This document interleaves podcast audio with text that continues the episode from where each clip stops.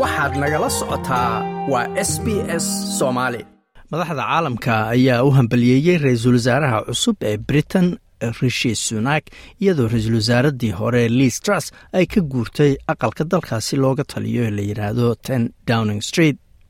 Ninkan waa ra'iisul wasaaraha cusube oo afartan iyo laba jira ayaa rajaynaya inuu xasilooni ku soo dabaalo dalkan aadka u kala qaybsan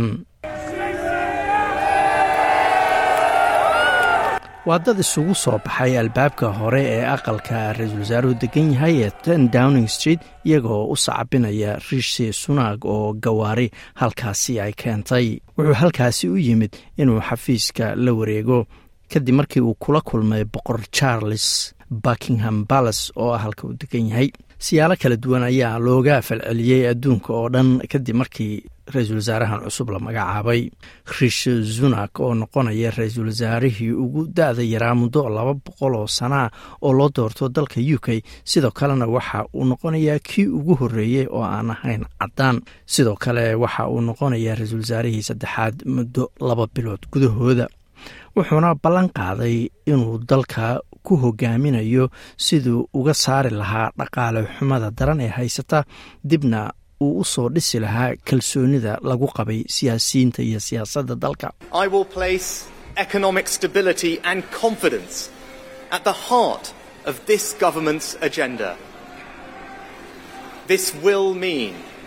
waxaan ajendayaashayda wadnaha u ah dowladda ka dhigayaa xasilinta dhaqaalaha iyo kalsooni soo celinta taasoo macnaheedu yahay inay soo socdaan go'aamo adadag laakiin waxaad i aragteen intii lagu jiray covid nka inaan samaynayay wax kasta oo aan ku difaacayo shacabka iyo ganacsatada sida barnaamijyadii shaqaalaha mushaarka lagu siinayay markay shaqooyinkoodii waayeen. Waxaanse idiin ballanqaadayaa inaan niyad taas la mid ah ku wajaho caqabadaha hadda jira.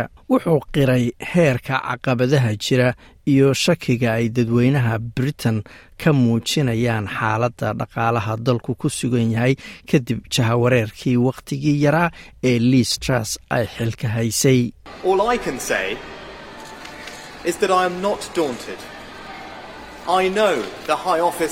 Waxaan idin leeyahay kama cabsi qabo shaqada adag ee hortaalla waan ogahay xilka sare ee aan aqbalay waxaana rajaynayaa inaan ka soo baxo xilkaasi. Laakiin marka fursadda inaad ummadda u shaqayso hesho su'aal kama keeni kartid waana inaad muujiso rabitaan marka waxaa halkan aan idiin hortaaganahay inaan dalkeenna hogaamiyo mustaqbalka inaan baahidiinna ka hormariyo siyaasadda inaan dhiso dowlad ka turjumaysa dhaqanka ugu fiican xisbigayga. Wax weyn ayaana wada qabsan karnaa ayuu yiri ra'iisul wasaaraha cusub. Master sunak ayaa sidoo kale ammaanay dadaalkii ra'iisul wasaaraddii isaga ka horreysay laakiin wuxuu qiray in qaladaad dhacay. Ra'iisul wasaaraddii xilka ka degtay liis truss ayaa ka baxday aqalka ten downing street kadib markii ay khudbadeedii ugu dambeysay intay xilka ra'iisul wasaaraha ahayd ay jeedisay subaxii talaadada. Miss truss oo is-casishay toddobaadkii la soo dhaafay ayaa xilka haysay afartan iyo afar maalmood oo keliya waxayna sheegtay inay aaminsan tahay in u k u baahan tahay isbeddel siyaasadeed oo geesinimo leh. Hadalkaas oo ay jeedisay marka ay xilka ku wareejinaysay master sunak iyadoo u rajaysay inuu xilkaasi ku guulaysto.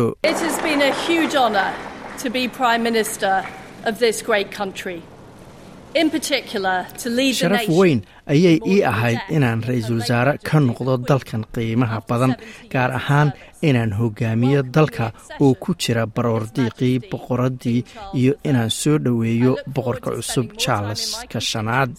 Waxaan aad u sugayaa inaan wakhti geliyo shacabka isoo doortay oo aan u shaqeeyo dadweynaha degan kursiga layga soo doortay ee south west norfolk. Anoo xildhibaanaad ah dalkeenna caqabadaha haysta way sii soconayaan ayay tiri laakiin kalsooni ayaan ku qabaa britain. Waxaan kalsooni ku qabaa shacabka britain. Waxaan ogahay in mustaqbal fiican uu naga horeeyo waxaana rishi sunak u rajaynayaa guul ayay tiri. Magacaabista master sunak ayaa niyad wanaagsan ku abuurtay iskaashi mustaqbalka dhex mara britain iyo dalalka jabaan iyo china wang wenbin waa afhayeenka wasaaradda arrimaha dibadda ee dalka china. Halka china ka taagnayd xiriirka u k waxay ahayd mid aan isbedelin oo cad. Ilaalinta iyo horumarinta xiriirka labageesoodka waa mid labada dalba mas'uuliyadu ka saaran tahay waana inay buuxisaa danaha labada shacab iyo dal. Waxaan rajaynaynaa in annaga iyo u k aan iyadoo lagu salaynayo ixtiraam labageesood ah aanu horumarino xiriirka labada dal waddo saxana aanu saarno ayuu yidri laakiin dowladda ruushka ayaa sheegtay inaysan jirin calaamado muujinaya inuu soo hagaagayo xiriirka labada dal ee xumaaday markii moscow ay ku duushay ukrain dimitri pescof waa afhayeenka dowladda ruushka.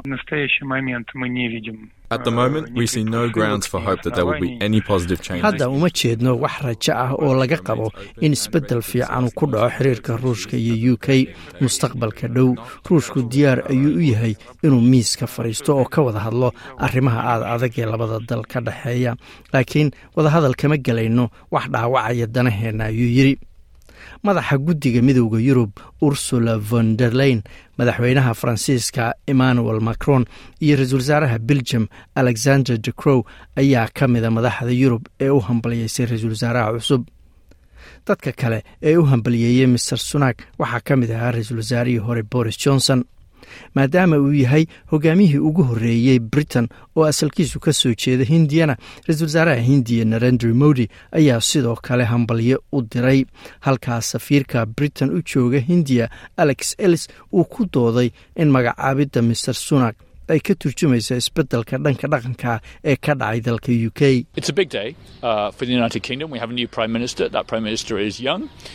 Maalin weyn ayay u tahay u k. ra'iisul wasaare cusub ayaan yeelanay ra'iisul wasaaruhu waa nin dhallinyaro ah. Awoowayaashiis waxay ka yimaadeen hindiya waalidkiis waxay ka yimaadeen bariga afrika. Waa nin hinduu ah. Tani waa mid astaan u ah u k-da maanta jirta inay ka duwan tahay tii ah anugu ku soo koray ama awowgay oo halkan u yimid waa hindiye inuu la dagaalamo ciidanka hindiya. Marka waa dal aad uga duwan u k-dii hore waana maalin weyn oo u baahan in la xuso ayuu yidhi safiirku. Khasnajiga federaalka ee dalkan australia jim chalmers ayaa sidoo kale u hambaliyeeyey master sunak isagoo sheegay inuu sugayo ama aad u sugayo la shaqaynta ra'iisul wasaaraha cusub